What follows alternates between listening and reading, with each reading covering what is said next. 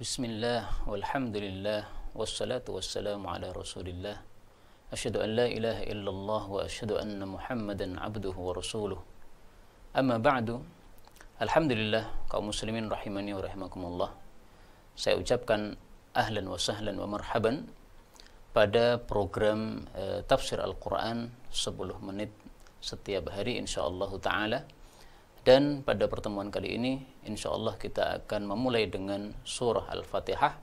Kemudian akan kita lanjutkan dengan tafsir surah-surah pendek dari uh, juz amma. Kaum muslimin rahimani wa rahimakumullah Al-Quran adalah wahyu Allah subhanahu wa ta'ala yang merupakan hidayah bagi seluruh manusia. Sehingga kalau kita ingin mendapatkan petunjuk dari Allah, maka wajib hukumnya kita mempelajari Al-Quran. Tanpa mempelajari Al-Quran, tidak mungkin kita mendapatkan petunjuk dari Allah Subhanahu wa taala. Karena petunjuk Allah terletak di dalam Al-Quran. Sebagaimana sabda Nabi sallallahu alaihi wasallam, "Taraktu fikum amrayni in tamassaktum bihima lan tadillu abada." Aku sudah tinggalkan untuk kalian dua perkara yang apabila kalian berpegang teguh dengannya, kalian tidak akan sesat selama-lamanya in tamassaktum bihima lan tadillu abada kitabullah wa sunnati rasulih. Yang pertama adalah kitabullah yaitu Al-Qur'an dan yang kedua adalah sunnah Rasulullah sallallahu alaihi wasallam. Kaum muslimin rahimani wa rahimakumullah dengan mempelajari Al-Quran kita akan mendapatkan kemuliaan Allah dari Allah subhanahu wa ta'ala. Allah menjanjikan di dalam Al-Quran laqad anzalna ilaikum kitaban fihi dzikrukum afala ta'qilun laqad anzalna sungguh-sungguh kami telah menurunkan ilaikum kepada kalian kitaban satu kitab yang besar. Fihi dzikrukum di dalamnya ada kemuliaan untuk kalian. Jadi kalau kita membaca Al-Qur'an akan dimuliakan oleh Allah. Kalau kita mempelajari Al-Qur'an kita akan dimuliakan oleh Allah. Kalau kita mengamalkan Al-Qur'an akan dimuliakan oleh Allah Subhanahu wa taala. Wajib hukumnya bagi setiap umat Islam untuk mempelajari Al-Quran karena dengan itulah dia akan mendapatkan petunjuk dari Allah Subhanahu wa taala. Dengan mengamalkan Al-Quran itulah dia akan mendapatkan hidayah dari Allah Subhanahu wa taala. Baiklah kita mulai dengan surah uh, Al-Fatihah. Dan surah ini disebut juga dengan surah Ummul Kitab. Disebut juga sebagai surah Ummul Quran. Disebut juga sebagai surah uh, Sab'ul Mathani. Tujuh ayat yang diulang-ulang أعوذ بالله السميع العليم من الشيطان الرجيم من همزه ونفخه ونفثه. بسم الله الرحمن الرحيم. الحمد لله رب العالمين. الرحمن الرحيم. ملك يوم الدين. مالك يوم الدين. إياك نعبد وإياك نستعين. اهدنا الصراط المستقيم. صراط الذين أنعمت عليهم غير المغضوب عليهم ولا الضالين.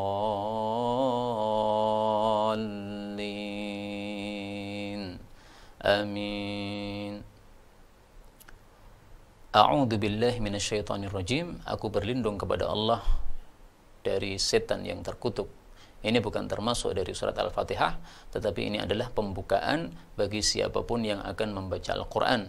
Sebagaimana perintah Allah Subhanahu wa taala, "Fa idza qara'tal Qur'ana fasta'idz billahi minasyaitonir rajim."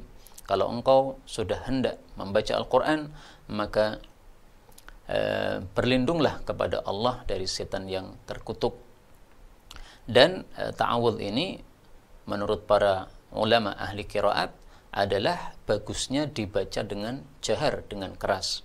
Adapun membacanya e, tanpa suara dengan sir maka ini diperselisihkan oleh para ulama. Tetapi para ulama-ulama muhakkikin di kalangan ahli kiraah mereka tidak menyarankan untuk e, membacanya secara sir tetapi dibaca secara jahar sebagaimana surat berikutnya juga dibaca secara jahar. Bismillahirrahmanirrahim dengan nama Allah yang maha pengasih lagi maha penyayang ini adalah ayat yang pertama dari surat Al-Fatihah menurut sebagian ulama Menurut sebagian yang lainnya, ini bukan ayat pertama, tetapi ini juga pembukaan sebelum membaca surah Al-Fatihah. Jadi ada perselisihan di antara para ulama. Apakah surat uh, Al-Fatihah itu dimulai dengan Bismillahirrahmanirrahim ataukah dimulai dengan Alhamdulillahirrabbilalamin? Bagi yang berpendapat bahwasanya Bismillah termasuk dari Al-Fatihah, salah satu dalilnya adalah hadis yang diriwayatkan oleh Al-Imam Ad-Daruqutni bahwasanya Rasulullah sallallahu alaihi wasallam bersabda idza qara'tum al-Fatihah idza qara'tum alhamdulillahi rabbil alamin faqra'u bismillahirrahmanirrahim fa innaha ihda ayatiha atau kama qala. Kalau kalian membaca surat Al-Fatihah, maka bacalah juga Bismillahirrahmanirrahim karena dia adalah salah satu dari ayat-ayatnya. Tetapi hadis ini memang e, derajatnya dhaif sebagaimana disebutkan oleh Syekhul Albani di dalam kitabnya Dhaiful Jami' Shaghir. E, mohon maaf, hadis ini diperselisihkan oleh para ulama derajatnya. Ada yang mengatakan derajatnya dhaif, ada juga yang mengatakan derajatnya sahih. Adapun Asy-Syekhul Albani, beliau menilainya sahih, beliau menyebutkannya di dalam kitab Sahihul Jami' Shaghir. Nanti bisa dicek lagi ya. Tetapi banyak di antara para ulama yang mendaifkannya, termasuk di antaranya adalah Ibnu Hajar di dalam kitab Bulughul Maram, kalau tidak salah ingat, uh, maka di situ disebutkan tentang uh, sebab kedaifan atau uh, siapa yang mendaifkan hadis tersebut yang berpendapat bahwasanya alhamdulillahi adalah ayat pertama dari surat Al-Fatihah. Dalilnya sahih diriwayatkan oleh Imam Muslim bahwasanya Allah Subhanahu wa taala mengatakan qasamtus salata baini wa baina 'abdi nisfain. Aku sudah membagi salat ini yaitu surat Al-Fatihah ini untuk aku dan untuk hambaku menjadi dua bagian. Jadi separuhnya untuk Allah Subhanahu wa taala, separuhnya lagi untuk hambanya. Kemudian Allah Subhanahu wa taala menjelaskan bagaimana maksudnya ini membagi dua ini. Allah mengatakan, "Fa idza qala al-'abdu alhamdulillahi rabbil alamin, qala Allahu hamidani 'abdi." Kalau seorang hamba mengucapkan alhamdulillahi rabbil alamin, maka Allah pun menjawab, "Hambaku telah memujiku."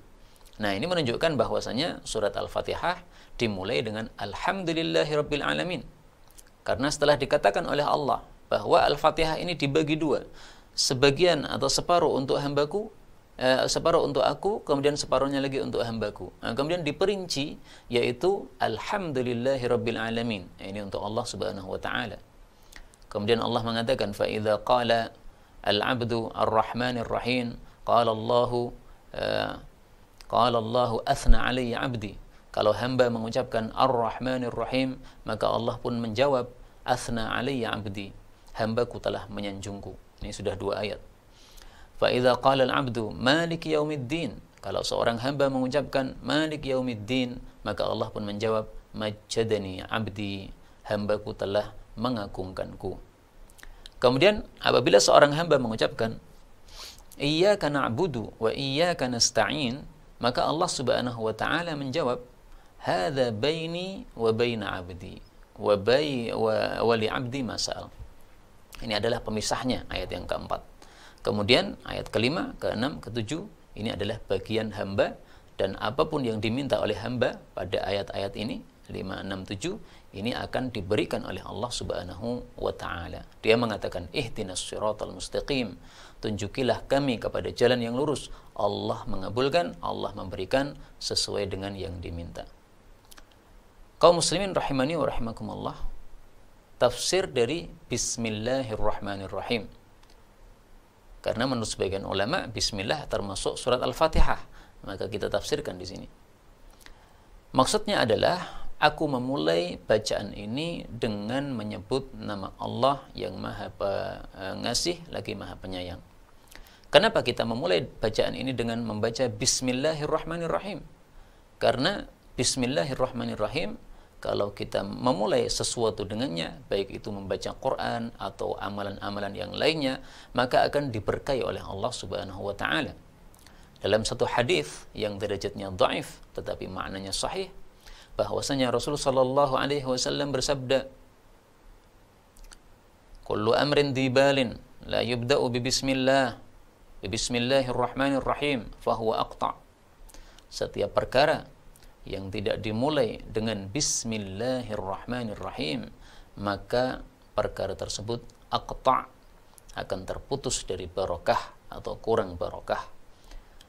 Nah, maka kalau kita ingin barokah amalan kita, maka hendaklah dimulai dengan Bismillahirrahmanirrahim atau dengan Bismillah sesuai dengan ajaran Nabi Shallallahu Alaihi Wasallam. Karena ada tempatnya masing-masing. Basmalah yaitu Bismillahirrahmanirrahim diajarkan oleh Nabi sebelum membaca Quran. Sementara Bismillah tasmiyah diajarkan oleh Nabi Shallallahu Alaihi Wasallam sebelum mengumpuli istri, sebelum e, makan dan sebagainya. Jadi masing-masing ada tempatnya dan itu dibaca supaya kita mendapatkan barokah dari Allah di dalam amalan-amalan tersebut. Saya katakan tadi bahwa hadis ini derajatnya dhaif tetapi maknanya sahih. Dari mana tahu maknanya sahih? Dari dalil-dalil yang lain. Misalnya hadis Nabi Shallallahu alaihi wasallam tentang perintah untuk membaca bismillah atau menyebut nama Allah sebelum makan supaya yubarak lakum fi supaya diberkahi untuk kalian di dalamnya. Nah, ini maknanya menguatkan hadis ini menguatkan makna hadis tersebut. Demikian juga dalil umum di dalam Al-Quran. Allah sudah menyebutkan di dalam surat Ar-Rahman pada ayat terakhir. Tabarakasmu rabbika dhul jalali wal ikram. Atau dhil jalali wal ikram. Ada dua kiraah yang mutawatir di sini. Tabarakasmu rabbik, maha berkah nama Rabbmu, Dhul Jalali wal Ikram atau Dhil Jalali wal Ikram, yaitu zat yang memiliki keagungan dan kemuliaan. Nah, ini dalil sangat jelas bahwasanya nama Allah adalah barakah sehingga kalau kita menyebut nama Allah dalam segala amal kita maka insya Allah dibarakai oleh Allah Subhanahu wa taala. Bismillah dengan nama Allah Allah ini disebut sebagai lafzul jalalah di mana kata-kata Allah tidak boleh digunakan untuk nama selain untuk Allah Subhanahu wa taala. Jadi kalau kita memiliki anak, kita beri nama Allah, tidak boleh, haram. Demikian juga Ar-Rahman, itu nama khusus untuk Allah Subhanahu wa taala. Tidak boleh diberikan kepada seorang makhluk. Sehingga kalau ada orang dipanggil Pak Rahman, nah ini tidak benar. Karena yang benar adalah Abdurrahman, bukan Rahman. Rahman ini nama khusus untuk Allah Subhanahu wa taala. Berbeda dengan Rahim. Kalau Rahim ini boleh disematkan untuk hamba. Karena Allah Subhanahu wa taala sendiri juga melakukannya di dalam Al-Qur'an. Pada surat At-Taubah pada bagian akhir Allah Subhanahu wa taala menyebutkan tentang sifat Nabi Yuna Muhammad sallallahu alaihi wasallam. Maka Allah mengatakan, laqad ja'akum rasulun min anfusikum azizun 'alaihi ma 'anittum harisun 'alaikum bil mu'minina raufun rahimun. Raufun ini salah satu sifat Nabi, rahimun juga sifat Nabi sallallahu alaihi wasallam. Maka ini perbedaan antara tiga nama Allah ini. Ada Allah, ada Ar-Rahman, ada Ar-Rahim. Untuk Allah dan Ar-Rahman, ini khusus untuk Allah, tidak boleh diberikan kepada makhluk. Adapun rahim ini boleh dipakai untuk makhluk. Ada orang namanya Pak Rahim, enggak ada masalah. Abdur Rahim juga enggak ada masalah karena dua-duanya diperbolehkan. Tapi kalau Allah dan Ar-Rahman maka ini tidak boleh untuk para makhluk. Apa perbedaan antara Ar-Rahman dengan Ar-Rahim? Sementara Ar-Rahman dan Ar-Rahim itu sama-sama diambil dari kata-kata rahmat. Ar-Rahman yang sering diartikan pengasih, kemudian Ar-Rahim diartikan penyayang.